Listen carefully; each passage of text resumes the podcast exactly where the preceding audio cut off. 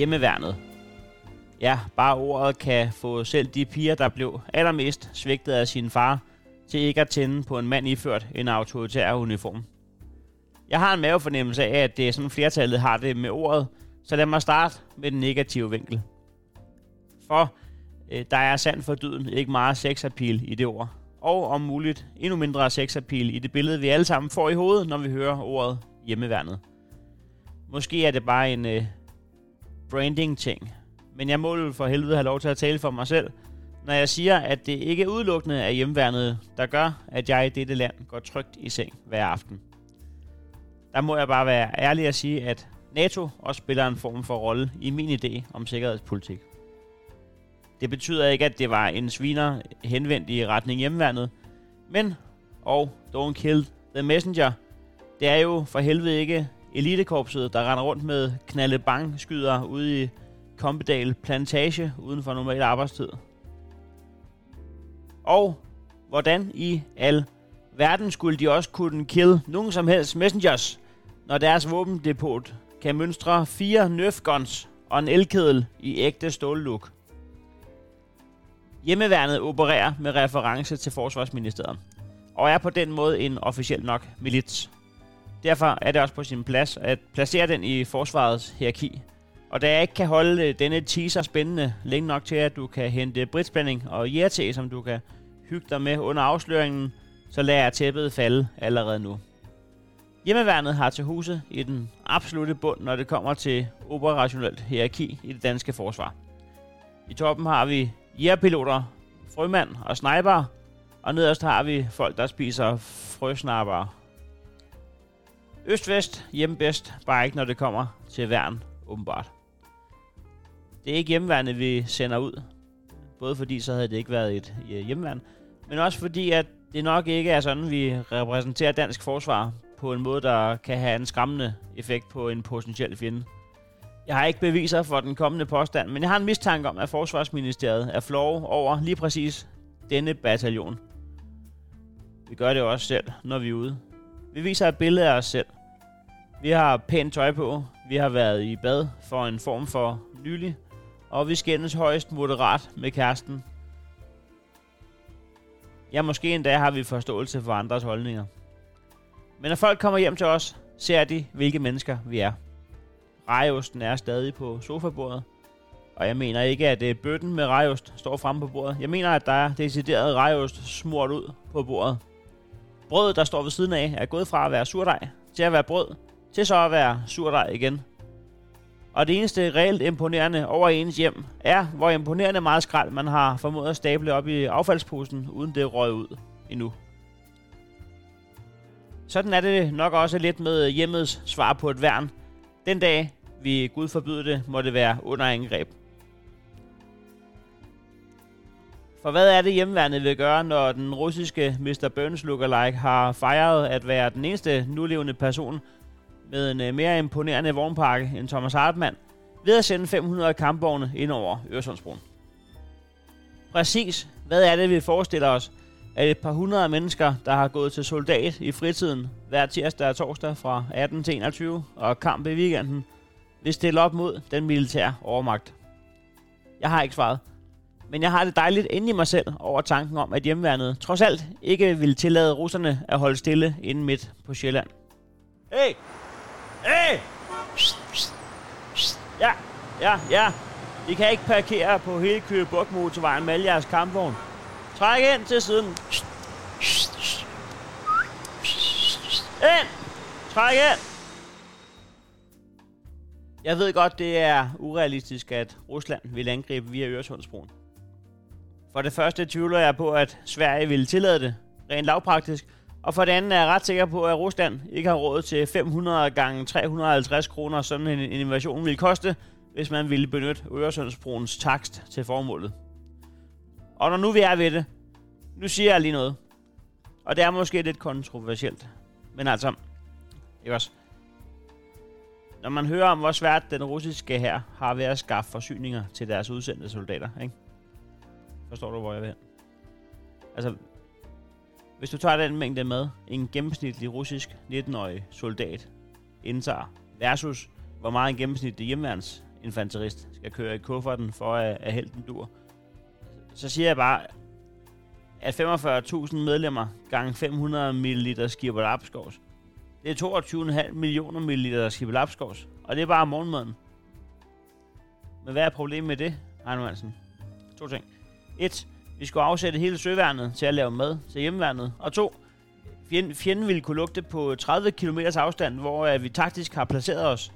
Det er bare at køre efter dunsten af 11-12 tons okseborg, løg og lavbærblade. Hvor er du plat, Heino? Hvorfor skal du altid være så plat? Det bliver så plat.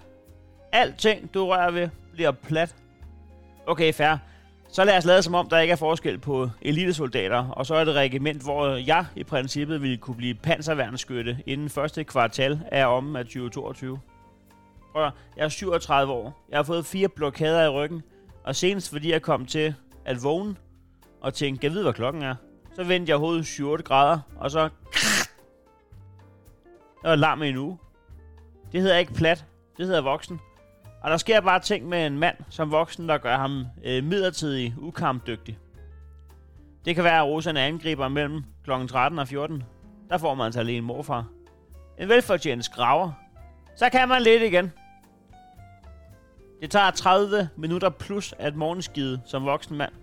Så hvis de angriber i morgendukken skær, jamen så må man da rigtig nok håbe for dem, at de har husket gasmaskerne. Danske voksne mænd er pivet. Altså, når vi slår os lidt på en geværkolbe, så bliver vi mut. Og nu har jeg ikke tjekket, men jeg tror altså, det er en krigsforbrydelse at skyde mod 10 mænd, der sidder og bliver trøstet, mens de spiser sunlolly, mens de ser fodboldskamp. Nå, men skulle vi lige klappe hesten? Jo, det ville jeg faktisk gerne.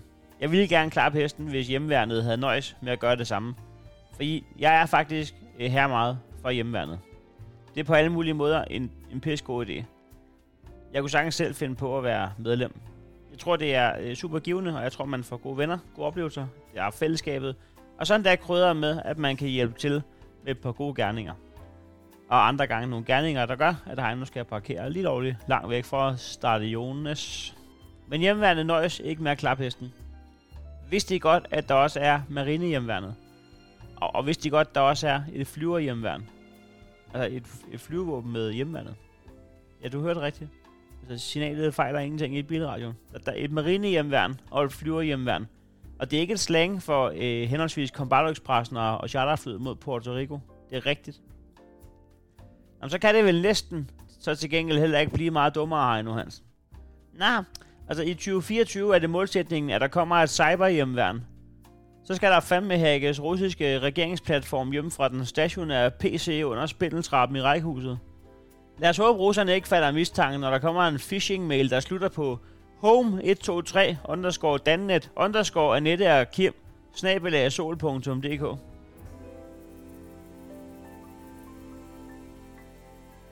Velkommen til Remoladedomstolen, episode 16 om hjemmeværnet.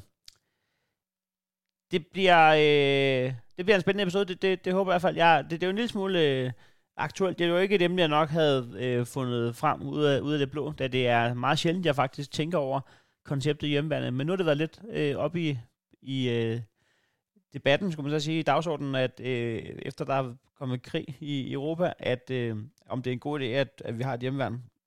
Og jeg hørte et indslag om, at, øh, at der ligesom er blevet opfordret til, at, at nu skulle vi altså melde os ind i hjemmeværnet, og på Bornholm var de sådan helt konkret gået ind i at opfordre øh, stort set øh, Gud og hver mand til at melde sig ind i hjemmeværnet, så man ligesom var klar, da Bornholm jo ligger på et lidt mere øh, strategisk øm punkt. Og der øh, havde de, var det altså live igennem til Bornholm en dag eller to efter opfordringen, og der kunne de meddele, at der faktisk allerede var 12 øh, nye tilmeldinger. Så jeg tror egentlig, at, at Østersøen er, er home safe. Øh, jeg, har, jeg har ikke selv været i øh, hjemmeværnet. Jeg har selv været øh, værnepligtig i Jamen, nu kan jeg sige det rigtige forsvar, men jeg ved jo kraftedeme med ikke, øh, om man jogger folk over fødderne og så videre, fordi den er jo under øh, øh, forsvarsministeriet. Men øh, øh, jeg var i Oksbøl i øh, 2004. Fire måneder. Selv tak, Danmark. Og øh, jeg blev egentlig indkaldt til ni måneder, men så i mellemtiden fra jeg blev kaldt ind til jeg så skulle ind, der øh, Søren Gade, som var forsvarsminister, han lavede værnepligt om til fire måneder, og så blev det faktisk ganske frivilligt. Og så da man stod der efter fire måneder og fik at vide, om du kan vælge at sige, det var det, eller du kan vælge at arbejde fem måneder mere som soldat i Oksbøl, øh, uden nogen nævnværd løn, og ja, bo i Oksbøl. Så, så kunne jeg de mærke, at altså, så tror jeg også, at jeg har gjort min, min pligt her, og så kan I jo bare indkalde mig, hvis der er en krig, så kan jeg godt huske øh, koden til døren. Så planen det er, at jeg vil, som altid, ringe rundt og høre, hvad, hvad remouladefolket siger til øh, konceptet i hjemmeværnet. Den første, jeg skal ringe til, er, er dog ikke sindssygt remoulade. Det er faktisk øh, præcis førnævnte øh, tidligere forsvarsminister Søren Gade, som, øh, som, som reddede mig fra, øh, fra, fra ni måneders øh, øh, øh, værnepligt. Og øh, ham, øh, ham skal jeg ringe til. Han er, han er simpelthen øh, i mellemtiden blevet chef for hjemmeværnet. Så jeg tænker, hvad, altså, hvad er øh, en bedre start, end lige at snakke med chefen for det hele? Og det er jo... Øh, det er fandme længe siden, at jeg sådan har gået interviewagtigt på den, og det, det ved jeg ikke, om jeg kan, helt kan finde ud af. Men jeg har i hvert fald skrevet seks spørgsmål ned, så øh, må vi se, om, øh, om jeg kommer igennem dem. Men, øh, men jeg vil i hvert fald lige øh, sige tak for min tid under ham. Spørge ham, hvorfor han lavede det om til fire måneders værnepligt. Så vil jeg spørge, øh, hvorfor hjemmeværnet? Så vil jeg spørge om, hvilke opgaver de får, hvis vi kommer i krig, slash, øh, eller i forhold til, hvad de har nu. Så vil jeg spørge om, hvilken indsats det kræver. Og så vil jeg spørge, om, om det forpligter, når der kommer krig, eller hvis der kommer krig, at man har været hjemmeværnet, og om man så har pligt til at stille op. Og så vil jeg spørge om, hvilke beføjelser de har, når de står der i deres gule og siger, at jeg ikke må parkere direkte op ad sydsiden ude på stadion. Så det er egentlig det.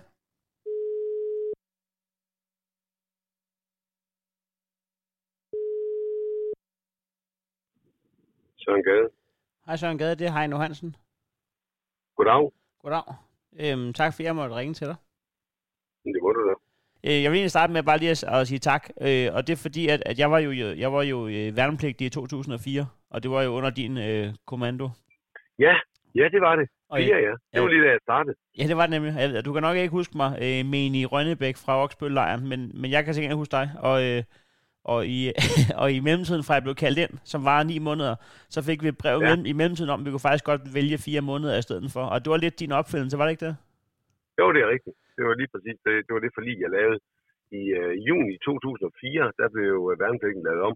Og det var prisen for at beholde værnepligten. Derfor er det meget, øh, apropos det, der sker i øjeblikket, fordi der var jo faktisk, øh, Socialdemokraterne og de radikale ville af med værnepligten, og de borgerlige ville bevare værnepligten.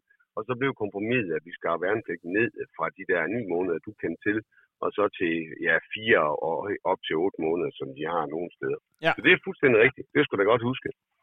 Jamen, det glemmer jeg aldrig. Det var to måneder før jeg skulle ind, så det, det, var, det var noget af ja. at få.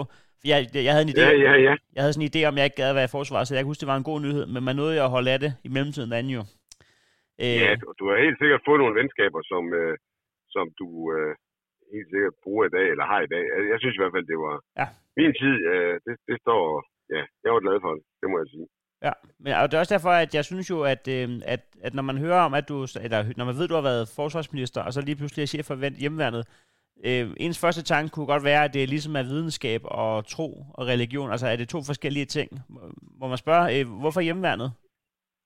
Jamen, jeg blev faktisk medlem af hjemmeværnet øh, som 18-årig, og jeg, man kan sige, det var jo politiske årsager. Ja. Altså, det var jo øh, under fodnotepolitikken, øh, hvor Danmark øh, havde forbehold over for NATO-medlemskabet, og hvor vi... Øh, og hvor vi jo var under den kolde krig. Og så tænkte jeg som den unge mand, jeg var, 18 år, hvad kan jeg egentlig gøre for at forsvare mit land, eller vise, ja, ja. at jeg vil forsvare mit land. Og så meldte jeg mig til hjemmeværnet, og der har jeg faktisk været med siden. Så jeg var med i hjemmeværnet i ja, over 41 år. Altså, år, altså, var det sådan rigtig med, altså det var ikke sådan noget ligesom prins Henrik, der havde fået 60, 60 ordner uden at tage en armbøjning. Altså var du rigtig med i ude i skoven og sådan noget? Ja, er, er du sindssyg, mand? Jeg har brugt okay. al min fritid hjemmeværnet. Altså jeg uddannede mig, jeg blev øh, gruppefører, og vi kørte øvelser hele tiden. Altså da jeg gik ind i hjemmeværnet dengang, der var det, der brugte jeg virkelig, virkelig meget, meget tid i hjemmeværnet. Og jeg fik, udover at jeg fik en masse militære øh, kundskaber, så fik jeg også nogle venskaber, som jeg jo stadigvæk øh, har den dag i dag. Min skydeinstruktør, som jeg havde dengang, jamen han står for et skydecenter ude nærheden af mit sommerhus. Så tager jeg til at få en kop kaffe med. Nå, så, hyggeligt. Jo. Ja. Men altså, hvordan fungerer det egentlig, når man møder op? Altså, i, i forsvaret kan man jo godt få skært ud af en uh, løjtnant og sådan noget. Hvordan er tonen i hjemmeværnet? Ja, altså tonen i hjemmeværnet er fin. Altså man skal huske, det, her, det er frivillige borgere i vores land, som øh, stiller op, øh, når Danmark øh, kalder. Øh, det lyder højt ravne, men det er det jo også lidt. Altså det er jo, det er jo, man skal jo gå op med sig selv, om man vil, øh, ja, om man vil bruge det tid, det, det koster at komme ind i hjemmeværende, men jo også, hvad de ultimativt kan betyde. Fordi det er jo en, øh, en militær organisation, med, med, som skal kunne være med til at forsvare vores øh, land.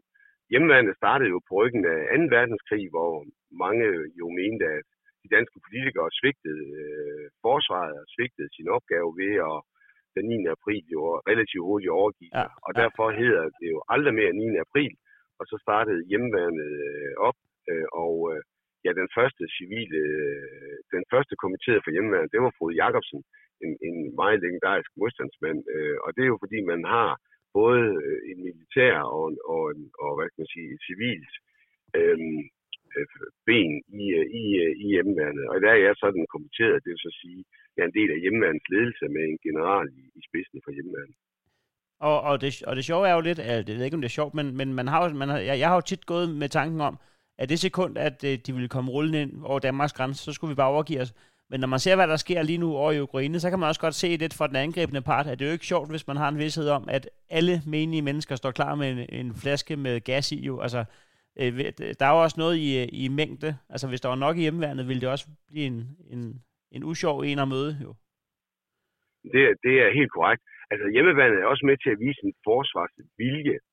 Evnen, forsvarsevnen, det har jo noget med materiel og soldater ja. at gøre, men forsvarsviljen, det er jo, at, at man viser omverdenen også, at vi er klar til at forsvare vores land og de værdier, vi, øh, vi står for.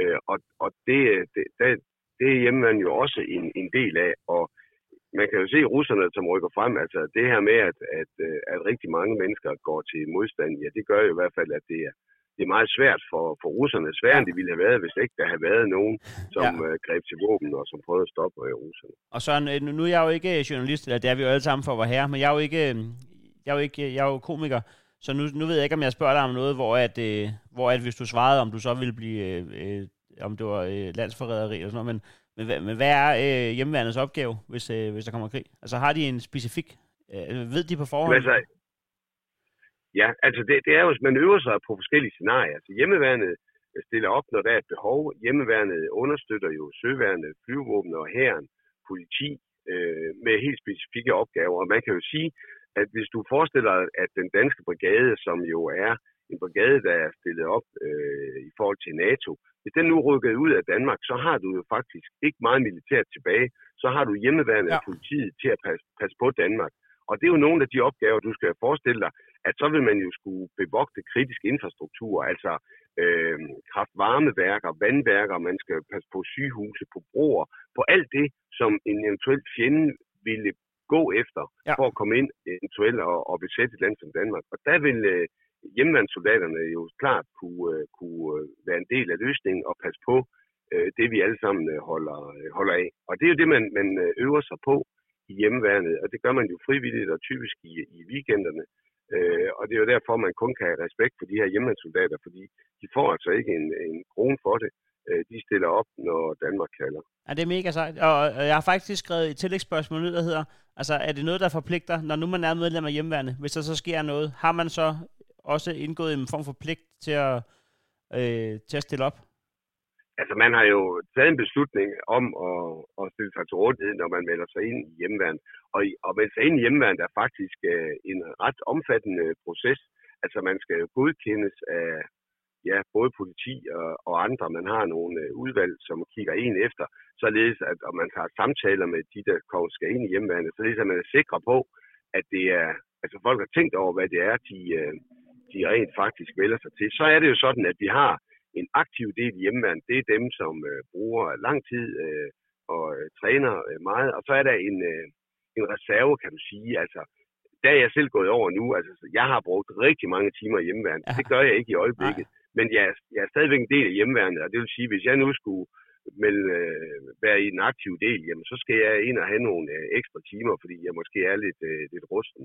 Men holdningen til at være hjemmeværende, den har jeg jo stadigvæk, og jeg har jo også min militære grunduddannelse, som, øh, som ligger måske lidt langt væk, men som jo kan genopfriskes, hvis der skal blive behov. Jamen det er, det er super stort pres, det der, for jeg, øh, jeg, har, jeg har jo den, der hedder HBU'en, og jeg sad og tænkte på den anden dag, om, om jeg kunne huske, hvordan man øh, lader et M95. Det er jeg faktisk ikke 100% sikker på. Man kunne godt gøre sådan noget, hvor man nogle gange hver femte år lige blev kaldt ind til lige at lave et gevær. Ja, og ved du hvad, det er jo også noget af det, som øh, jeg kunne høre politikerne på Christiansborg snakke om øh, øh, lige nu. Det her med, om man skal sætte øh, værnepligtstiden op, måske til 6-8 måneder, ja, ja. og, og man måske bliver kaldt ind øh, en gang om året, eller gang hver anden år i en eller to uger, netop for at være sikker på, at vi har nogen, der relativt hurtigt kunne løse de opgaver, som vil være nødvendigt, hvis for eksempel på gaden tog ud af Danmark, og at der, skulle, øh, der kom en trussel, hvor vi så var nødt til at, at virkelig passe på øh, det, vi holder af, øh, nemlig vores land, Danmark. Øh, bare lige til sidst, Søren, er der, øh, kan du løfte sløret for, øh, hvorhen at, øh, at, at der er hjemmeværnet står stærkest, og, og hvor der mangler, øh, hvis man sidder og tænker, at man... Fordi der er også noget med lokalområder at gøre, hvis man... Ja. Der er ingen tvivl om, at som jeg husker det, så er det sted, hvor der er flest hjemmeværnssoldater, det er på Bornholm. Ja. Og det er den årsag, at da vi blev befriet øh, i maj 1945, der var der altså en del af Danmark, som ikke blev befriet. Det blev først befriet året efter. Og det er ligesom, det har vi måske glemt andre steder i Danmark, men det har Bornholmerne ikke glemt. Og derfor der er der faktisk en højere andel af hjemmemandssoldater på Bornholm, ja, ja. End, i, uh, end i andre steder af, af Danmark. Og det er jo også noget af det, man sidder og kigger ind i nu. Altså, det er jo, uh, altså Østersøen er jo også et, et højspændt område. Så, så Bornholm, de har en, uh, en høj procentdel af, af hjemmemandssoldater. Jamen, jeg, jeg kan få hele paranoia af, at øh, jeg kan slet ikke holde ud og følge med i sådan nogle nyheder om, at der sejler ubåde rundt, rundt om Bornholm. Så det, jeg kan ikke øh, forholde mig til det. Jeg kan kun forholde mig til det, at de har god is, og så kan man nyde udsigten. Men jeg kan ikke... Øh, jeg får paranoia den. Men Søren, tak fordi at jeg måtte ringe til dig. Det, var, øh, det er jeg glad for. Det var hyggeligt. Kan du have en god dag. Tak for snakken. I lige måde. Hej. Tak til Søren øh, Gade. Jeg, øh, jeg kunne mærke, at jeg øh, i det sekund, jeg hørte hans stemme, så øh, jeg sad og gjorde honør. Det er jo min gamle minister. Det er jo ham, der var øh, chefen, da jeg var soldat. Så det tog lige, øh, der røg jeg lige tilbage i øh, Mini Rønnebæk øh, stadion. ikke at jeg var, øh, øh ikke at jeg var øh, den bedste til at gøre honor, men jeg kunne mærke, der var lige lidt, øh, jeg har lidt respekt for den mand, og øh, på, på godt. Øh, jeg tror, det sidder helt ind i ens øh, DNA, og, og blive tilbagekaldt til den gang. Ja, jeg ved det sgu ikke, det skal da ikke for at lyde højheldig. Jeg kan da huske, at vi har stået til en parade, øh, et eller andet dragonregimentets, et eller andet jubilæum oppe i Holstebro, hvor at øh, prins Henrik skulle komme og holde en tale. Og der kan jeg da i hvert fald øh, huske om, at det var en lang tale, og jeg kan huske, at vi havde fået varslet på forhånd, at hvis der er nogen, der ikke kan holde masken undervejs, øh, så, øh, så vanker der altså øh, strafture rundt om søen. Og det, det, blev en, øh, det blev en skøn aften med masser af søudsigt fra alle mulige vinkler øh, på alle mulige runder. Ja, så helt, øh, helt øh, dulig har jeg ikke været. Men jeg kunne mærke, lige med Søren Gade, der kunne jeg mærke, at øh, det var chefen, og nu er han det kraftedet med igen, den her gang i hjemmeværnet. Han er det øh, de steder, hvor jeg kan være. Og jeg synes, at, at når man hører ham snakke om hjemmeværnet, at, at man sidder med alle sine fordomme, og, og jeg sidder og tænker tilbage på hele min monolog, og den bygger på, bygger på det der billede, man har af hjemmeværnet som basserne, ikke? Det er jeg ikke sikker på, det er. Jeg, øh, jeg tror faktisk, altså, det, jeg tror, nu har jeg ikke tid lige nu, jeg på tur, men øh, øh, og det er jo også en form for, det er også en form for gerning for dansken og, og frembringe smilet. Jeg bringer, jeg, ja, okay, Columbus. Jeg, øh, øh, men det var da ikke sådan, at man ikke fik lyst, og det var da ikke sådan, at man, øh, det var da ikke sådan, at man ikke fik en lille smule øh, respekt for, at det rent faktisk var folk, der vidste, hvad det lavede. Det skal man lige huske, næste gang man øh, kaster en Ben Jerry's ud af vinduet, fordi man er sur over parkeringen. Alexander, der øh, tilrettelægger den her podcast, har skrevet nogle ting ned på et stykke papir, og så tænker jeg først, dem vil jeg lige læse, og så finde ud af, hvordan jeg bruger dem. Men så tænker jeg, måske er benspændet, at jeg først læser dem nu, sammen med jer. Der er noget om øh, hjemmemandens historie, der er noget fun facts, og så er der, der er et par nedslag i hjemmeværnsloven, som er en lov, der findes. Så lad os starte med historien. Jeg forestiller mig måske, at der kunne komme noget dejlig musik nu. Hjemmeværnet, som idé blev skabt i juni 1945 af 250 fredskæmpere under parolen Aldrig mere end 9. april. Og den 6. juli 1948 blev det officielt oprettet ved en hastelovgivning i Folketinget. Året efter, altså den 1. april 1949, var der over 30.000 frivilligt tilmeldte. De efterfølgende år var dette tal mere eller mindre konstant stigende, og endte med at pikke ved afslutningen af den kolde krig i slut 80'erne med 77.000 frivillige. Herefter har det været stødt faldende, og for tiden er der 45.000 frivillige. Hos hjemmeværnet oplever man dog i disse dage efter Ruslands invasion af Ukraine en betydelig øget interesse for nye medlemmer, hvilket giver indtryk af, at krig er lige med større frivillighed hos forsvaret. Helt konkret ser man det blandt andet ved hjemlandets distrikt på Fyn, hvor ansøgningerne er seksdoblet i forhold til før krigen brød ud. Fun facts. Der bliver brugt ca. 450 millioner skattekroner om året på hjemmeværnet. I 2020 brugte hjemmeværnets frivillige sammenlagt 1.732.219 timer. Parenthes, det lyder så meget, men det er faktisk en nedgang på 27 procent sammenlignet med 2019, parentes slut. Formentlig på grund af pandemier og aflyste arrangementer, hvilket også resulterede i et uventet overskud på 12,5 millioner kroner, fordi man ikke kunne lave øvelser og uddannelse som normalt. Nedslag i hjemmeværnsloven. Paragraf 11. Frivillige i hjemmeværnet skal gennemføre en uddannelse i hjemmeværnet på 250-300 timer inden for de første tre år. Herunder en øh, grunduddannelse på 100 timer som forudsætning for at få udledet af våben. Personer, der har gennemført værnepligtsuddannelse i det militære forsvar, skal ikke gennemføre den i punkt 1 anførte uddannelse. så er det kraftigt bare at gå ind og udfylde øh, formularen, så kan jeg skulle få en skyde grønne derhjemme. Paragraf 12. En person optages som frivillig i hjemværnet ved at underskrive en kontrakt, hvorefter den pågældende skal overholde de tjenestige bestemmelser, der er jo der er fastsat for frivillige i hjemværnet.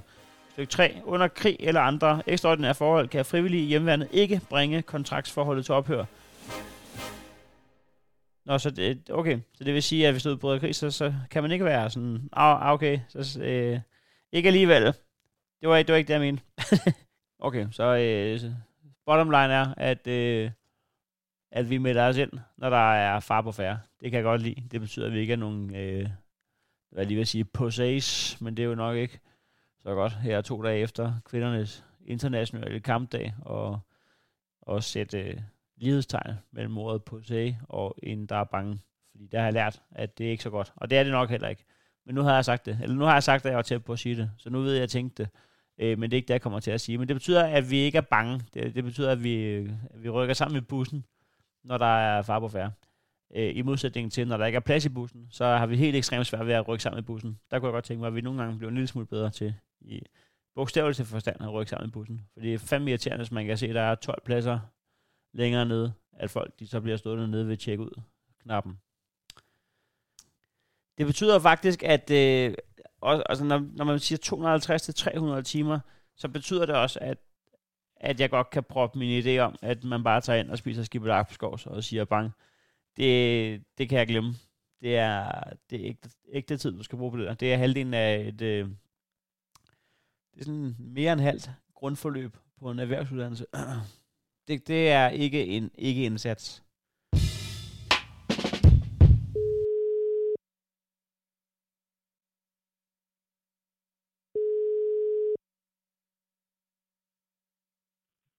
Det er Helena. Hej Helena, det er Heino. Hej Heino. Hej.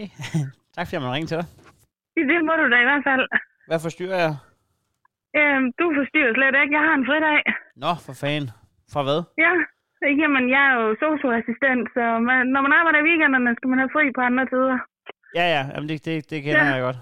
Men, øh, og, øh, og, øh, og, og nogle gange så kan det lyde som om, at det ikke er så fedt at have de der midtugesfridage, men jeg synes faktisk, det kan mere. Der er plads i, øh, i banken og øh, hos frisøren, og der er plads alle steder. Lige præcis. Det er en luksus. Ja, og så kan det et eller andet øh, folks blikke, når man sidder der med en, øh, med en kold bajer, sådan onsdag formiddag, fordi at man er fri. Men øh, ja, ja, det ved jeg ikke, om du gør. Men det, øh, nej, nu har jeg små børn, så det må jeg nok hellere øh, vente med til, til eftermiddag. når faren kommer hjem og kan overtage. Så kan man få en kold. Ja, ja. Det var da ikke, fordi du skulle have en møl. Det var noget mere... Øh, øh, når, hvor, hvor små børn har du? Så er du da ikke helt fri. Ah, jeg har en på fire og en på syv. Ah, så de er, dem, dem kan man jo aflevere steder jo. Ja, det kan man. Det ja. kan man. Men man har jo en forpligtelse bagefter med at få Ja. dem hentet igen. Ja, ja, det, det, det, det, det står der, Paula. Men øh, ja, Nå, men hvad hedder det? Øh, Det er korrekt forstået, at du er, du, du, er, du er gift, eller i hvert fald kærester med en mand, der er med hjemvandet. Ja, det Øh, er det. Var han, øh, Ja. Hvor lang tid har han været det? Jamen, øh, han blev faktisk skrevet op lige som corona startede. Måneden efter startede corona, så øh, Nå, så han, han, har er været ikke, med i to år og ikke rigtig sådan været afsted afsted, men øh, han, har, han har stadig det ikke været, fylder meget i hverdagen alligevel. han har ikke været i skoven endnu. Nej, han har ikke været i skoven, han har været ude på bølgerne. Nå, han er marine, ja. Han er marine. Ja, ja. han var rimelig hjemmeværn. Han har været afsted to gange her på to år, så det er jo Hvordan, ikke... hvordan fungerer det, når man er afsted med marine hjemvandet? Jamen, øh, det fungerer sådan, at øh, der bliver meldt ud en træningsaften, og så tager de afsted, men det er med faste tidspunkter. Ja. Så jeg ved, hvornår han kommer hjem igen. Ja. Øh, når det er øve, almindelig øven, jo har vi han ikke været med på sådan noget prøve, hvad hedder det, når de tager ud på Øvelse? øvelser. Ja. Og, ja.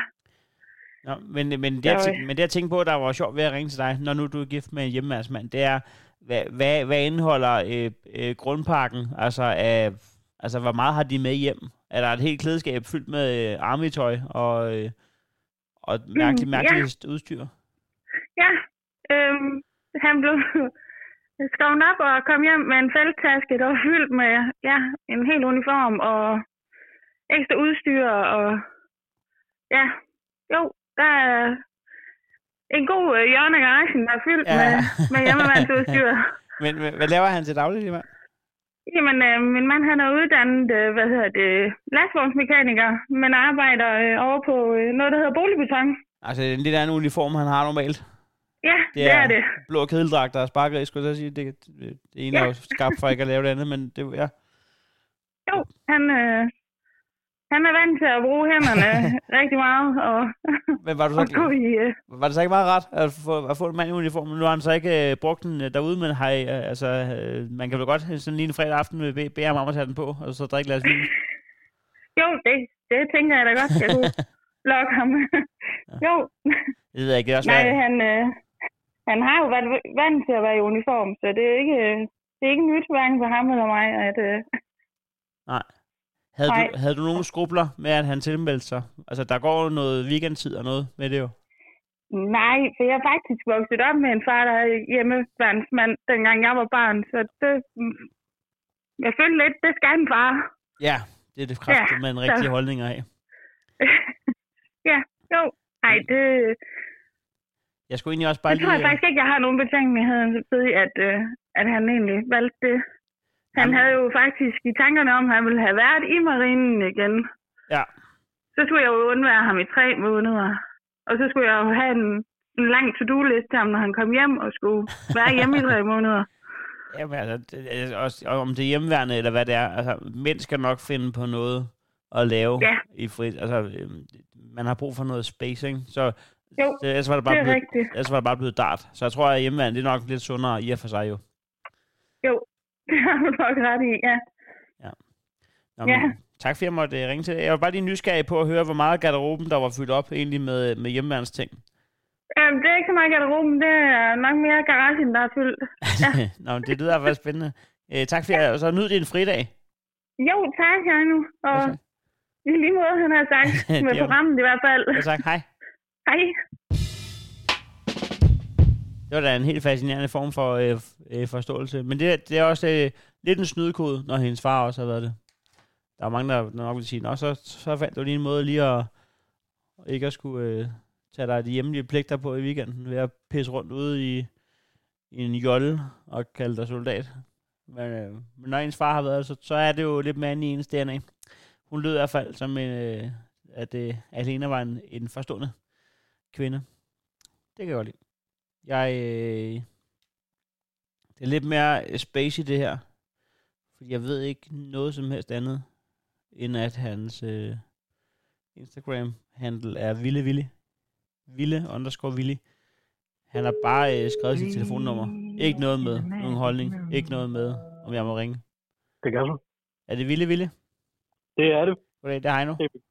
Hej. Øh, sindssygt dejligt øh, Instagram-navn, først og fremmest. Ja.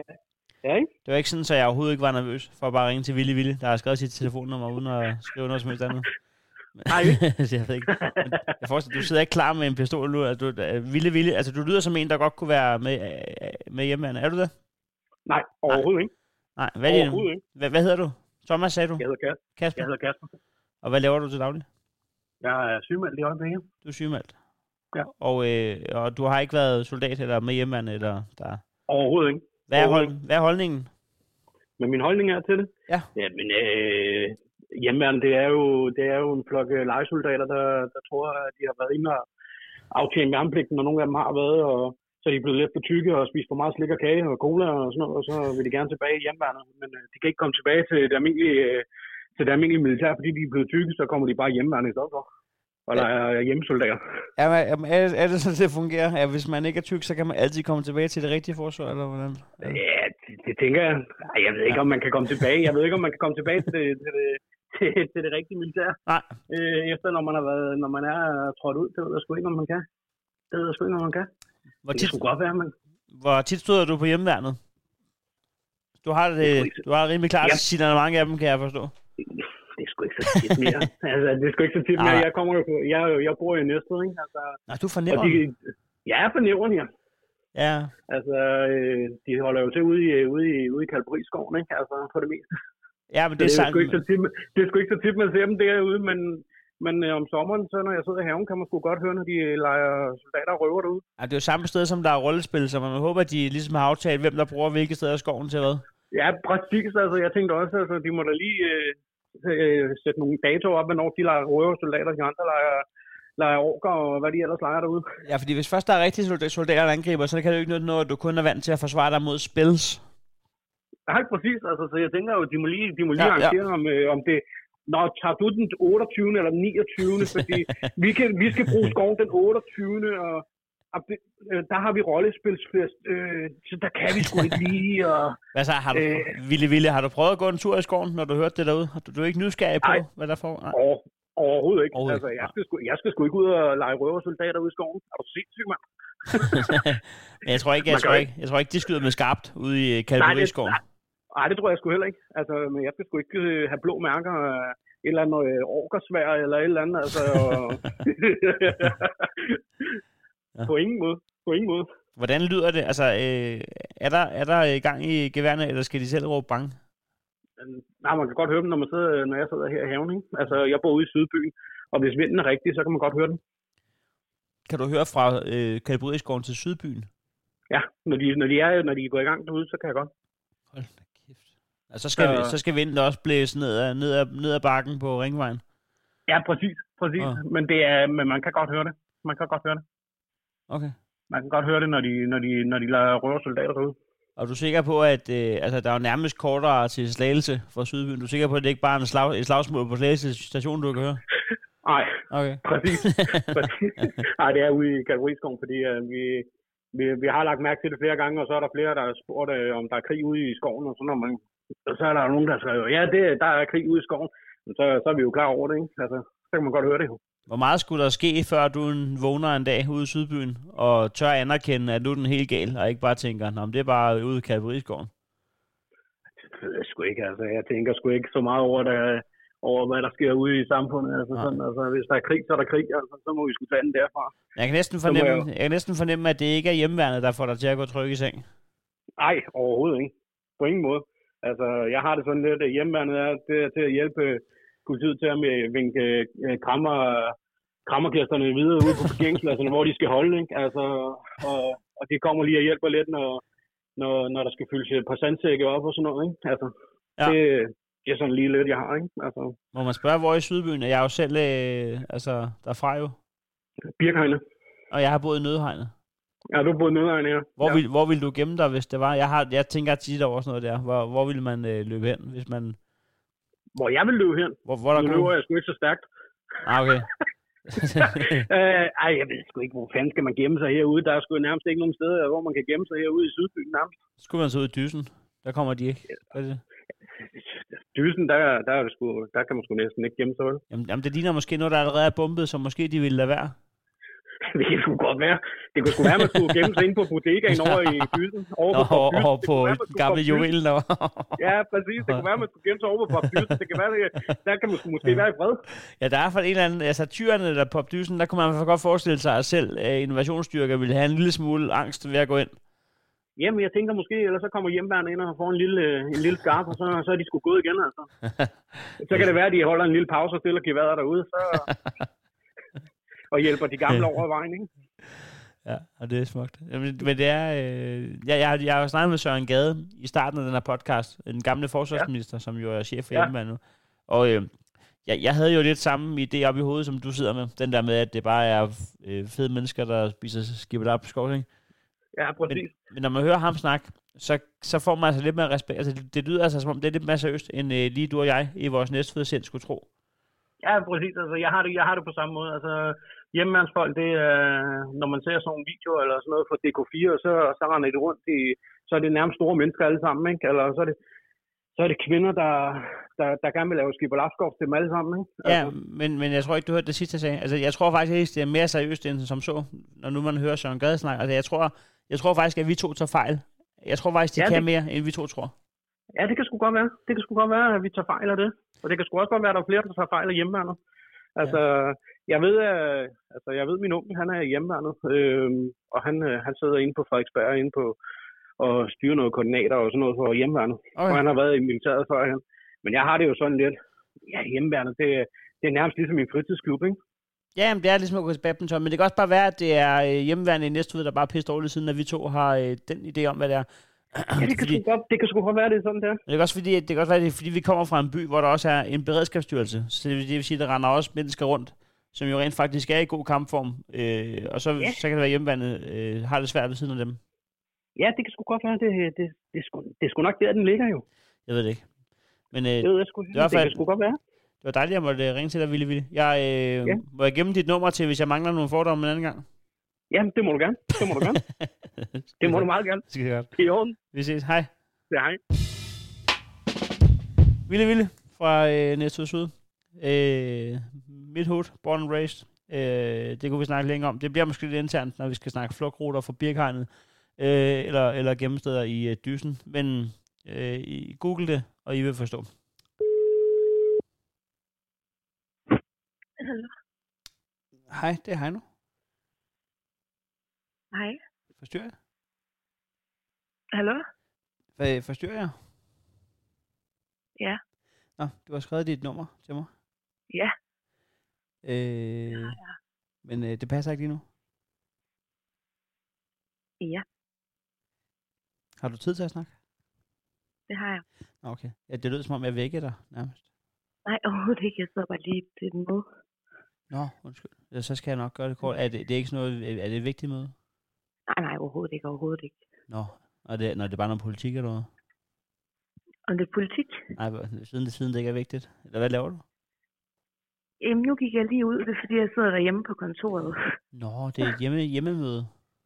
Ja, ja, det var bare lige sådan en lille bitte hjemmemøde.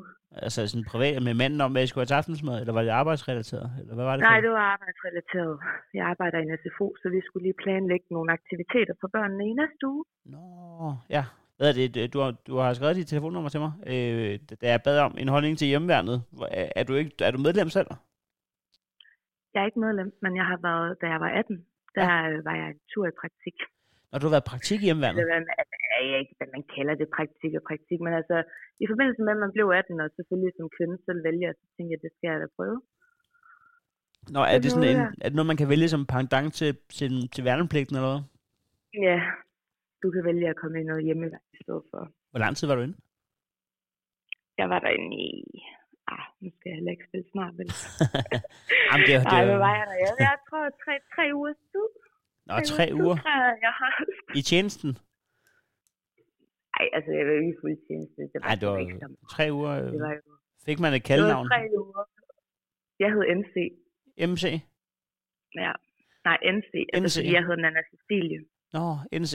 Okay. Det var, det var rimelig nemt. Har du så skabt venskaber for livet i de tre uger, eller hvordan fungerede det? Jamen, det har jeg da. Altså, det fungerede jo sådan, at man ligesom på en kaserne, så boede vi sammen, og vi var jo en masse unge, ikke? Ja. Som jo havde valgt det her. Så vi havde jo bare en fest samtidig med, det selvfølgelig også var hårdt, fordi vi blev da vækket tidligt om morgenen, og vi blev også introduceret for en masse ting. Nu laver hjemmeværnet også lidt mere sådan nede på jorden ting i forhold til, hvis du går ind i en værnepligt, jo, ikke? Ja. Altså, så vi var jo med ude og ligesom også se, hvordan det er, og egentlig bare nogle gange beskytte byens borgere, hvis man kunne sige det sådan, bare være på gaderne nogle gange, og vi var, hvor filen var vi henne? Vi var også over i København, over omkring Amalienborg og sådan noget, og få en masse viden om, hvad hjemmeværnet de nogle gange gør derover og hvad, altså, ja, det var meget sådan en introduktion til, hvad er hjemmeværnet egentlig, og så var vi bare med rundt med dem, som var rigtig hjemmeværn. Ja, så du er ikke rigtig med, du er ikke på overnatning i en skov og sådan noget? Jo, jo, jo, jo, jo, jo. Nå, jo. vi var på overnatning i skov, jo, for det det hegn. Det var altså ikke fedt. Nej, det er ikke sjovt.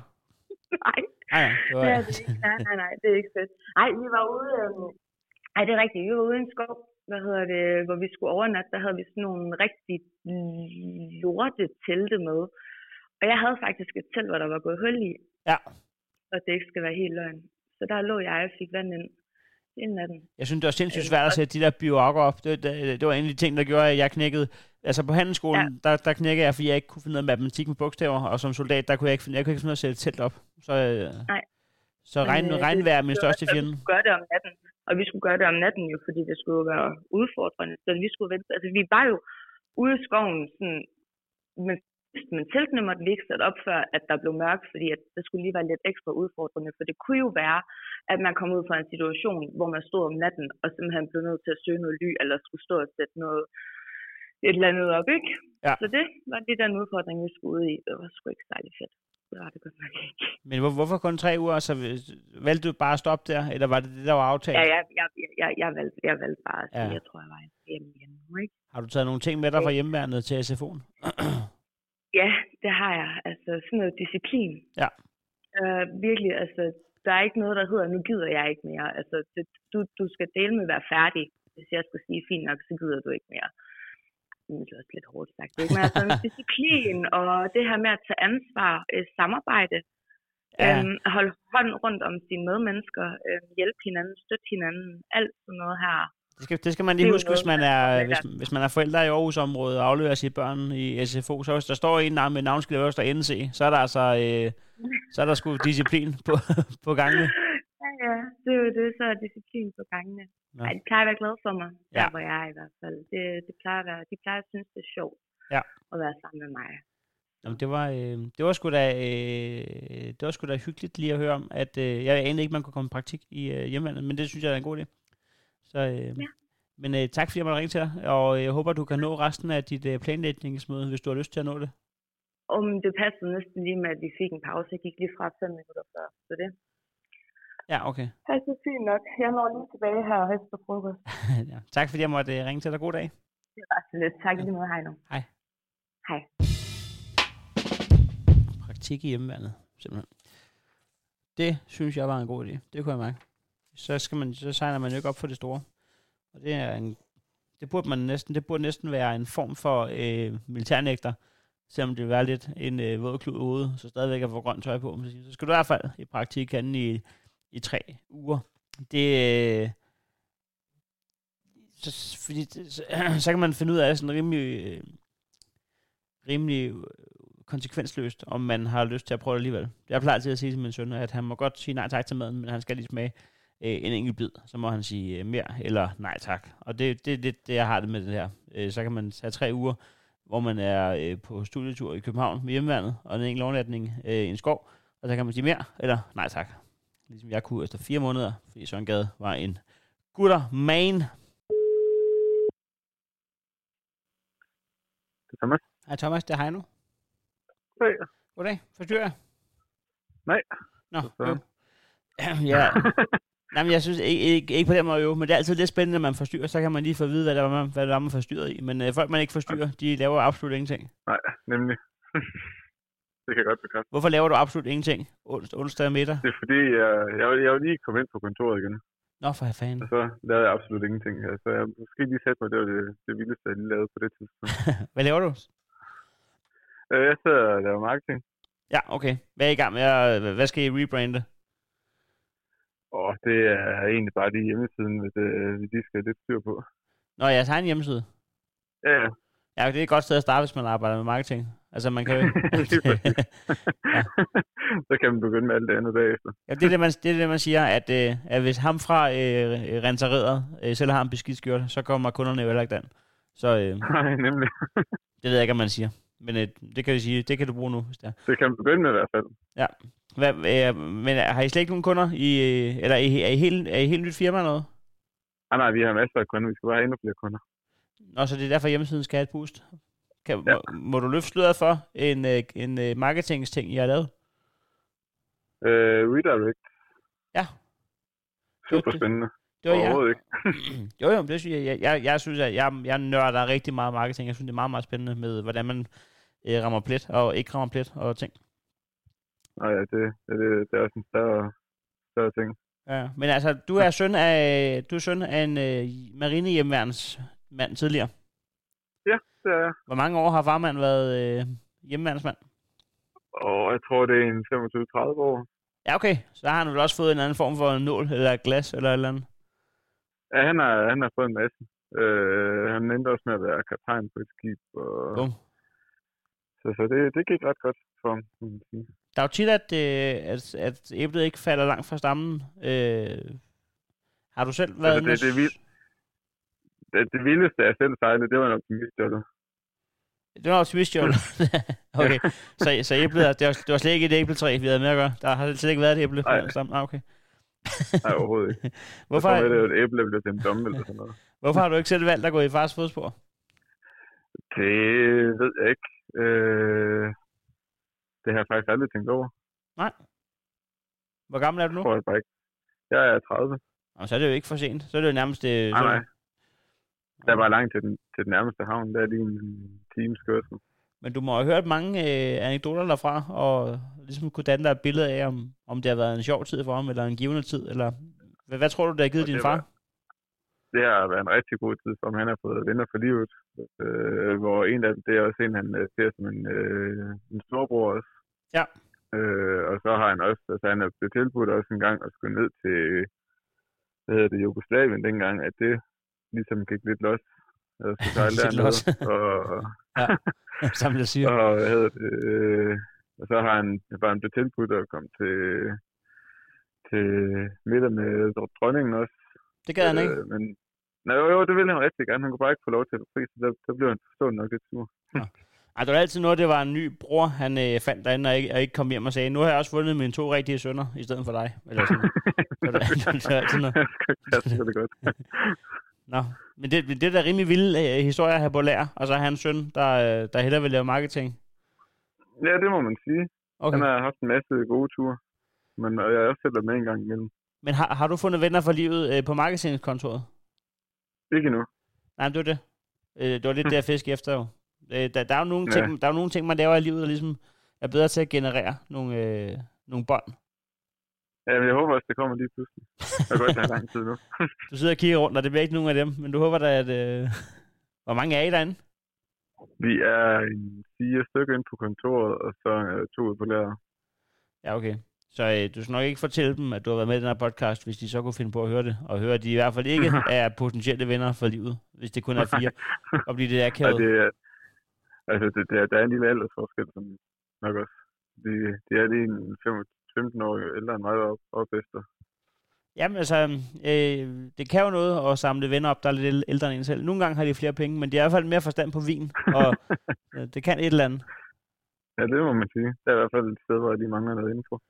Og så, og så er de stoppet med at give gaver, som, øh, som de selv har printet ud, og lover, at, at det er analog gavekort nok skal blive indløst en dag. De giver rigtige gaver. Og dem får, dem får jeg til lov til at printe ud for dem i stedet for. ja.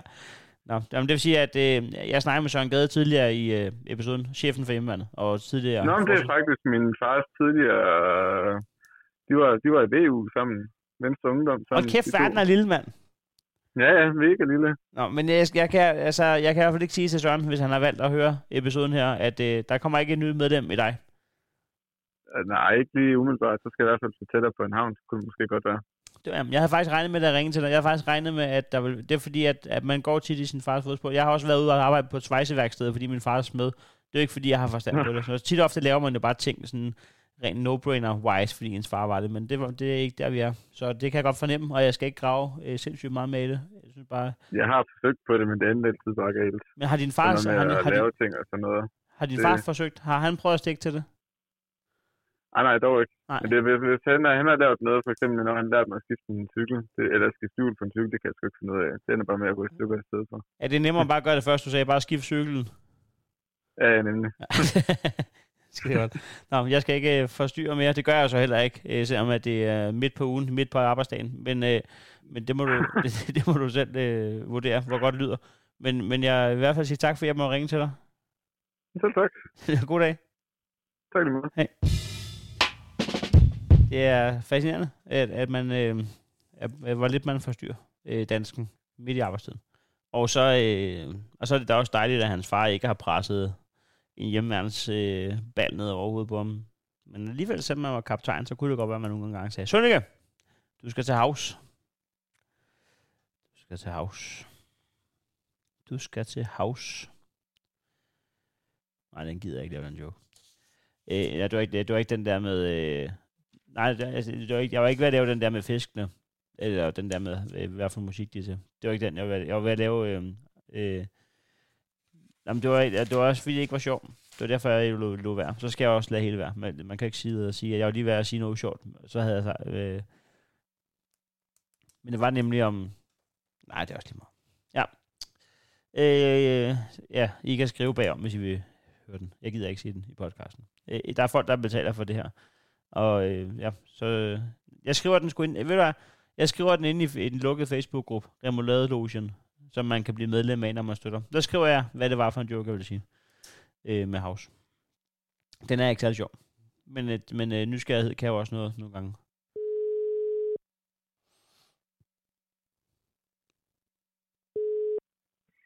Det er Gustav. Ah, Gustav, det er Heino. Goddag, Heino. Goddag. Forstyrrer jeg? Øh, sådan semi, lige ude at handle. Det er sindssygt, at det er dig, jeg har... Øh, du er den eneste, der har sagt, at jeg forstyrrer lidt, og så laver du ikke engang noget, der er rigtig vigtigt. Der er simpelthen ingen danskere, der laver noget vigtigt i dag. Nej, øh, nej. Er du dårlig til at, multita- er du dårlig til at multitaske, siden du ikke kan snakke i Helt- telefon og handle helt samtidig? Helt vildt. Hvad skal du købe? Max? Jeg har så ringet til det. Hvad skal du købe? Pepsi Max. Hvad skal du købe? Pepsi Max have. Pepsi Max. Pepsi Max? Ja. Jamen, det, det er da for helvede en indkøbsliste, du godt kan øh, huske. Ja. Om, Ej, nu er jeg nødt til at løbe, men øh, ja. Det er så dårlig timing, mand. Er det okay? Hey. Ja. Hey. Okay. Altså, han var... han var... Øh, min, min, min var, var, øh, var, var, var det... Øh, det var for helvede, for, det var for helvede ikke sandheden, at øh, han, han skulle have købt Pepsi Max og miste overblikket. Og så, altså, det var da formentlig formodet og forhåbentlig, var det fordi, han var øh, på, vej, på vej ind til en prostitute, der så fik sagt noget med Pepsi Max. Øh, hvis man vil. der er folk, der sidder i møder og går for ting. Men Gustav. Mm. Jeg kan ikke købe. Det, det ved jeg ikke, om jeg tror på. Jeg tror, at der er en lige nu, der tjener en 500-600 kroner på, øh, på dansk med happy ending.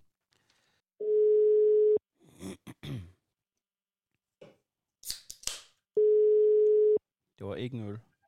Det er Michael. Hej Michael, det er Heino. Hej. Hej, forstyrrer jeg? Overhovedet ikke. Det var satans. Det er fandme umuligt at forstyrre nogen midt på dagen om onsdagen, åbenbart. Hvorfor forstyrrer jeg ikke nu? For jeg kommer ned på taget af. Er du, er du oppe på det Ja, så jeg, jeg er bækkeslærer. Jeg arbejder ude på Bro. Nå, så du er på arbejde? Ja, det er jeg. Nå, så forstyrrer jeg dig også lidt. Men et, øh, eller hvad? Eller passer lige med en pause? Du, det var da ikke pause op på taget, gør man det? Nej, så kan jeg tage mig et par kaffe eller imens jo. Okay. Er du ikke bange for at falde ned? Ej, der er ikke så langt ned. Der er kun fire meter ned, så det går. Jeg hørte engang en øh, øh, øh, lille Lars, der var kollega med ham ude på Radio 100, der, øh, der fortalte han en anekdote om et chak, der stod og arbejdet op på et tag, og så havde de gjort det uden sikkerhed, fordi de var mandemænd. Du har vel sikkerhed på, ikke? Jo, jo, vi har faldsikring på. Ja, men de havde været oppe på sådan et højhus, og så lige pludselig var den ene glæde, og så på vej ned, hvor han ikke rigtig kunne stille noget op, der skulle øh, vandrehistorien, jeg ved ikke, om du kender den, men vandrehistorien gik på, at hans sidste ord skulle have været, nu skal I bare se løjer, og så var han røget ud over taget. det er, er du nede fra taget? Nej, men, ja, ja. Altså, jeg, jeg arbejder sammen med nogle, øh, nogle tagdækker på et tidspunkt i projektet ude næste hvor Ja. Der er en af tagdækkerne, han, han, faldt, øh, han faldt ned på taget i dag. Han brækkede benet tre steder. Det er, hvad det to og halvt år siden. Tre steder. Han er ikke begyndt at arbejde endnu. Ja, men det er også øh, tre steder, så er det svært at hele, ikke? Altså, så skal benene lige blive enige med sig selv om, hvor den først begynder at klappe op. Ja, det er det. Og hvis den første, den ene, den ene den begynder at så vokse skævt, så ja, det går næst. Du skal til at korrigere. Er det korrekt forstået, Michael, at du er med hjemme, når du ikke står op på et tag? Det er ja. Hvor lang tid har du været med? Det har været i, i hvad er det, hvad er det, 9 år, 9-10 år. Ja. Er der, er der mulighed for, at du kan stille dig på øh, vestsiden af huset? det kan du lige prøve, godt. eller, eller er det en rev? Eller, eller hvad, hvad, hvad er det, jeg gør? Jeg kan lige prøve. Hjælp, hjælper det nu? Ikke rigtigt. Hvor meget, det er også fint nok. Det, det, må godt være, det, må godt, det er jo et hjemmeværensindslag, så det må godt være noget, noget, noget lyd eller en tur. Hvor lang tid sagde du, du havde været der? I 10 år. I 10 år. Øh, hvordan startede ja. du? Hvorfor meldte du dig ind? Jamen, øh, det var egentlig, fordi jeg havde nogle bekendte, som også var der. Og så, øh, så blev vi enige om, at øh, jeg var, dengang der blev jeg interesseret for, hvad, hvad det egentlig drejede sig om og sådan noget. Så blev jeg enig med, med mig selv og min, og min, min søns mor om, at øh, det, det skulle vi da prøve. Ja. Så, og det... så det gjorde vi. Så, så, så tog vi springen, og så prøvede at se, hvad, hvad det egentlig drejede sig om, og hvad vi, hvad vi kunne, kunne bidrage med, ikke også? Hvordan var første dag i hjemmeværnet? Hvordan er det, når man møder ind? Jamen altså, til, til at starte med, så møder du ind der, hvor du, hvor du nu melder dig til, øh, i den afdeling, hvor du, hvor du gerne vil være. Øh, og så skal du så på, på noget uddannelse i en fire uger. Ja. Øh, så jeg var, på, jeg, var, jeg var så i Skive og tage, tage, alt det, tage det uddannelsesværk derude. Hvad sker der på den der fire ugers uddannelse? Der sker mange ting. Altså, du lærer, øh, du lærer lidt sådan at, at sove i skoven, og nogle kampstillinger, og støtte til politiet. Og, fordi det er jo mange ting, jo ikke også? Det er jo både øh, støtte til politiet, og det er jo også øh, støtte til militæret. Og, ja, ja. Så, så, så det, du, lærer, du lærer lidt prim, primært det hele, jo også? Men altså, havde du været soldat tidligere i livet, eller var det din første gang i øh, uniformen? Det var første gang. Jeg, øh, jeg, jeg fik frinummer så, til sessionen, så... Ja. Og så følte du ikke nogen trang til at hjælpe øh, danske frivillige, før du blev voksen? Jeg ville jo egentlig gerne have haft været inde, ja. også, ja. men ja. Da han, han, han sagde til mig til sessionen, der var to og halvt års ventetid, så det, det havde jeg sgu ikke tid til at vente på. Nå, for helvede. Nej, nej, nej, nej, klart. Nå, men altså, og så er du bare blevet hængende i hjemmevandet. Hvad, hvad, hvad, hvad har du ja. haft af, altså, har du haft nogle oplevelser, der sådan har stået ud? Et eller andet, der gik helt galt? uh, altså, jeg har haft nogle, øh, nogle, nogle ret, øh, ikke, ikke bizarre oplevelser som sådan. Jeg, jeg havde en på et tidspunkt nede omkring øh, IKAST-området øh, af, ja. øh, for, for en del år siden, hvor jeg blev ringet op klokken, ja, jeg tror, jeg tror det var to om natten eller sådan et eller andet øh, om, at øh, der var et hus, der var sprunget i luften. Der var været noget, noget lækage på noget gasfyr eller et eller andet. Ja. Så, og, så, og, så den, og så den ældre borger havde, havde røget inde i huset eller et eller andet, så, så den der gas, der var stille og roligt stævnet op af, så er det hele der sprunget i luften. Lige over på den anden side af vejen af en børnehave. Så, så der måtte vi ud og så, øh, og så sikre området øh, til, til støtte for er, politiet. Er, er det en pensionist i IKAS, der, der ikke har kunne lugte gassen, og så bare har tændt, tændt sin morgentilrut, eller hvad? Og så bare har sprunget hele vejen i luften? Eller hvad? hvad? Det, det er et eller andet i hvert fald. Det var noget med, så vidt jeg kunne forstå det engang, så, så var hun nok faldet i søvn på, på sofaen eller andet med en cigaret i askebæret eller eller andet. Og, og så var det stille og roligt stævnet op af den gas, fordi den, den er jo tung, så den, den, den ligger jo til, til jorden jo. Yes, yes. Og så, så, og så stille og roligt øh, arbejdet sig op af, og så øh, ja, har sagt bum lige pludselig. Ej, det... Så, så der, lå, der lå nogle, øh, nogle glaskår på, over på, på den anden side af vejen over i en børnehave og sådan lidt. Så, jo. Ja, det er vel også en person, der ikke længere er blandt os, men, eller hvad? Det er vel ikke hjemmeværendets ja. opgave at, at stå for det. Det er vel bare at spære af, ikke? Det er jo spære, og så sørge for, at der ikke kommer nogen ind, og så, øh, og kan man sige, kommer ind og så øh, og forstyrrer politiet i deres arbejde og, og betræder øhm, området. Ikke også? Øh, jeg stod og snakkede med en af familiemedlemmerne, en søn, som var helt grædefærdig. Han stod og så tog brølte jo. Ja. Så man, er, så man, man har lidt forskellige oplevelser. Jeg har også været ude ved, ved en nede ved, derude i Aarhus-området der, så jeg, de har fundet en, en død person bagbundet nøgen på hen, hvilende hen over hans seng i en lejlighed. Jamen, det kan jo ske jo. Altså, øh, ja, det kan jo ske. Altså, det, det, er, jo, det, yeah. det er jo tillidssag, hver gang man, man lader sig link til, til, til senghest, yeah. ikke? Altså, det er jo... så må man jo håbe, at det ikke er en psykopat, man har fundet. Altså, vi er jo nogen, der har været heldige yeah. indtil videre, men det, der er jo, det, det, er, det er jo en del af det er en tillidssag, at lade sig længe fast til sengen. Ja, det er jo det. Jeg gør det kun uh, i klædt tøj. Altså, jeg, jeg, jeg, øh, jeg stoler ikke på folk, der ligger folk nøgen. Det, er aldrig med... Nej. Nej. Så. Men altså, øh, men, øh, men hjemmeværende ind, altså, hvor meget tid bruger du så nu, efter 10 år? Altså, bliver du stadig ringet op? Nej, altså, jeg bliver ikke ringet op om, øh, om, om natten mere. Sådan, nu, nu har jeg en, som, som ligesom har, øh, har styring, kan man sige, som, som er den person, som bliver kontaktet af politiet, hvis det er. Ja. Øh, førhen, der stod også, jeg, jeg stod for, for, for, for mig, er det, øh, for en, en 3-4 år siden, hvor at, øh, vi, lige snart der var nogle, nogle arrangementer eller andet, så enten arrangøren eller politiet, de, de kontaktede mig i forhold til med, med, med planlægning og sådan ting der, så det, tog bare lige så, så blev det sgu lidt for mig, det der med at så skulle, ja. skulle være på måske en, en ja, måske en 15-20 timer om ugen, ikke også? Det, lige pludselig tager det sporehånd. Hvor, hvor mange beføjelser har I egentlig, når I står der og hjælper på? Altså, hvis, nu, hvis, øh, hvis der er en bilist, der siger, fuck dig. Altså, har I, har I politibeføjelser i, i det der midlertidige øjeblik, eller hvad? Øh, vi har jo et, det, det er sådan lidt, lidt begrænset, fordi øh, jeg havde et, øh, et cykelløb for, for en del år siden, ja. hvor at, øh, vi havde sat, øh, hastigheden blev sat ned fra 80 til 50 km i timen.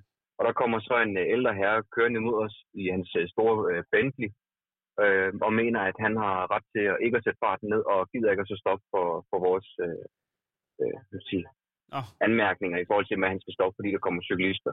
Hyggelige type. Øh, ja, og ham har vi været, været i retten med et, et par gange, øh, og, og, og, og også på senere fået oplyst, at han så ikke havde noget kørekort på det tidspunkt. Ja, men, jeg, jeg, var lige ved at spørge, men, om, jeg var lige ved at spørge, om det var vigtigt for historien, det var en Bentley, eller om det bare var din måde at karikere, at han var en idiot på, fordi vi har en, vi har det, var, det, var, det var bare min måde at karikere på, at han, han, han, han er en arrogant type. ja, præcis. Altså, det, så, men, men nej, altså, vi, vi har jo, øh, vi har jo ret til, til rigtig mange ting. Øh, vi kan jo ikke, vi, vi kan ikke øh, give bøder eller noget som helst på den måde jo vel. Og vi kan heller, øh, det, det vi kan gøre, det er, hvis det er groft nok, jamen så tager vi et øh, nummerplade på bilen, og hvis det er, at personen har lyst til at snakke med os, så kan vi få øh, kontakt, kontaktoplysninger på personen. Ja. Øh, så det, det er det, vi egentlig kan, kan gøre i, i, i værste tilfælde. Ikke? Også, ellers så er det sådan, at mange, mange gange, så hvis man står til arrangementer eller et eller andet til cykelløb eller sådan noget, jamen så er der politi i området, så man kan tage fat i dem.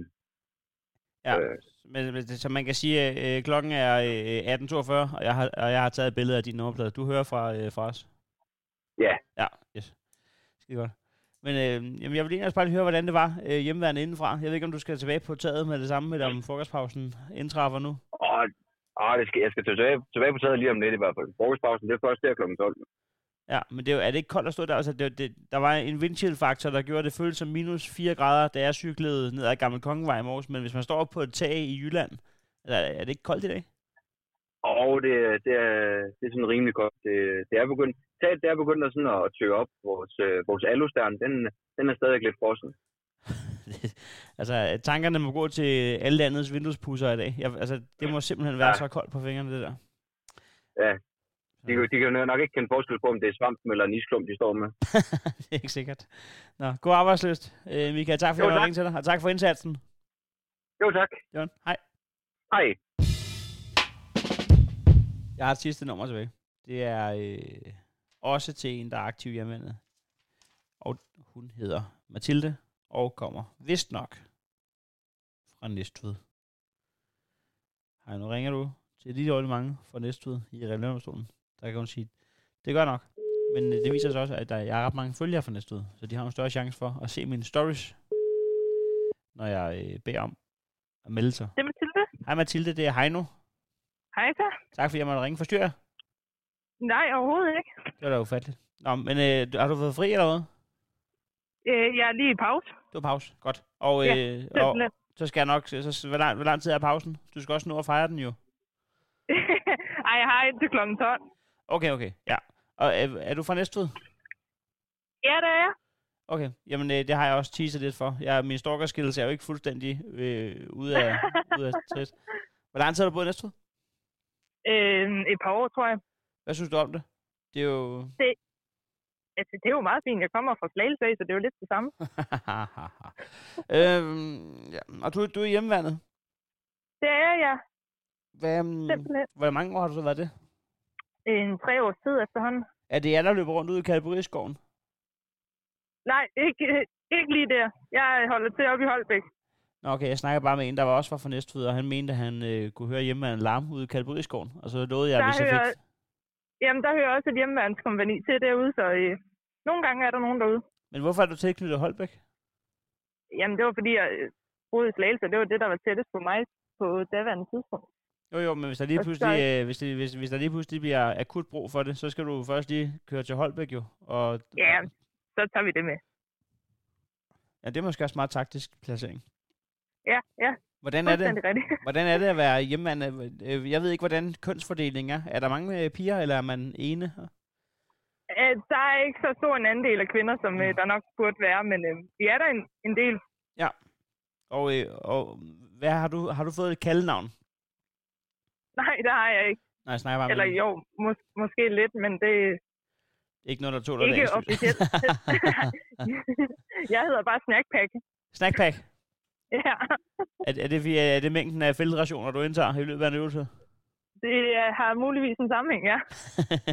hvordan, er, hvordan er din oplevelse af, af hjemmeværende? Hvad, hvad laver I, når I er samlet i afdelingen Holbæk? Ja, men vi laver jo lidt forskelligt, fordi vi er jo ikke øh, det klassiske øh, kaffe- kageklub, som mange tror hjemmeværnet er. Nej. Øhm, vi, er jo, vi er jo en del af herhjemmeværnet, og øh, der, så træner vi jo også meget af det, man også gør i forsvaret, og øh, videreudvikler på det. Så øh, vi render bare mest alt rundt ud i en skov og skyder lidt. Hvor træt er man af at høre øh, den der fordom om kaffe- og kageklubben der? Øh, jævnt træt.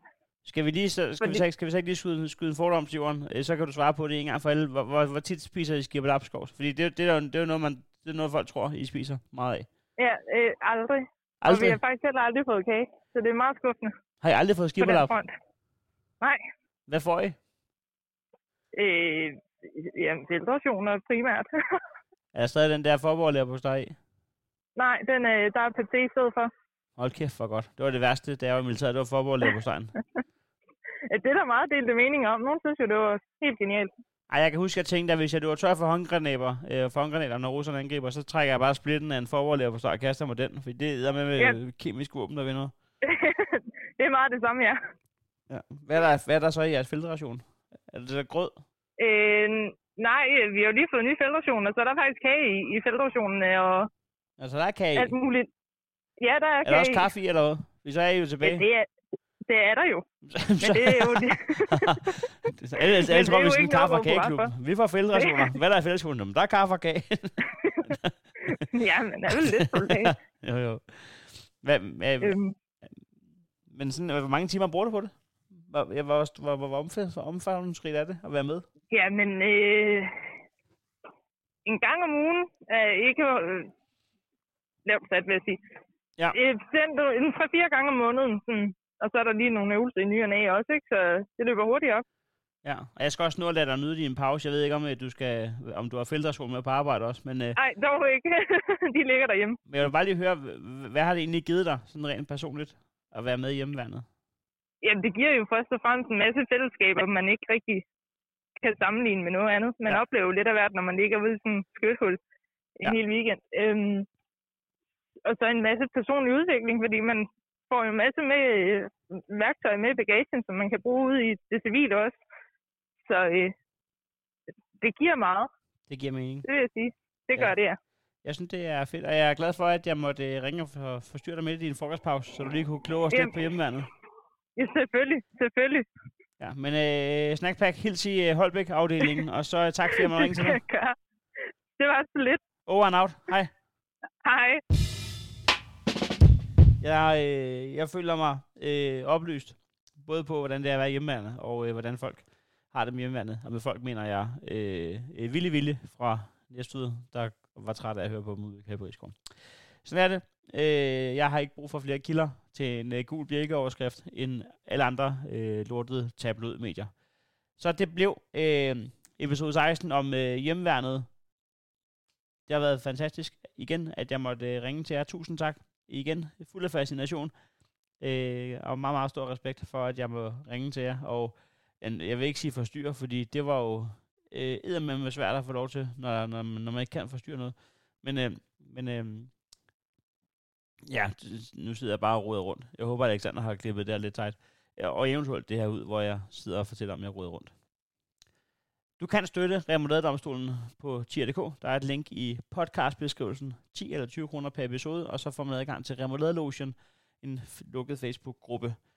Øh, hvad var det nu, jeg skulle lægge op den her uge? Nå ja, det var min joke. Øh, som jeg... Nå ja, yes. Ja, ja, house. Yes. Der kommer den joke ind i, i den her uge. Er det det værd? Det ved jeg ikke. Men øh, man, skal ikke, man skal ikke gøre det kun for at blive medlem af Lotion. Det skal være en lille ekstra ting. Man skal gøre det primært, hvis man øh, holder af og lytter til podcasten. Så, øh, så er det en god idé at få støttet op om de projekter, man, man synes skal blive kørende. Øh, egentlig ikke så meget mere at sige, tror jeg. Øh, jeg er stadig på tur. Man kan se turplanen på heinohansen.dk. Der er 46 shows tilbage. Og så, øh, så er det slut. Og så er det jo bare... Ja, så fik du ikke set det show, hvis ikke du har set det. Der er 85.000, der har købt billet. Så det er jo det er rimelig optur. Men det, jeg mangler stadigvæk at komme rundt i en masse byer, næsten over hele landet. Så næsten hvor end du bor, der er en søgefunktion derinde. Så kan du bare lige skrive øh, nogle forskellige bud på nogle byer, der ligger tæt på dig. Så er jeg sikker på, at du finder billetter. Øh, rent lavpraktisk, lige om hjørnet, så er der den øh, 23. marts. Der har jeg operan i København. Det bliver øh, det største show, jeg har lavet i mit liv. Der er stadigvæk billetter op på den bærste balkon. Så øh, Hansen.dk, 23. marts, operan.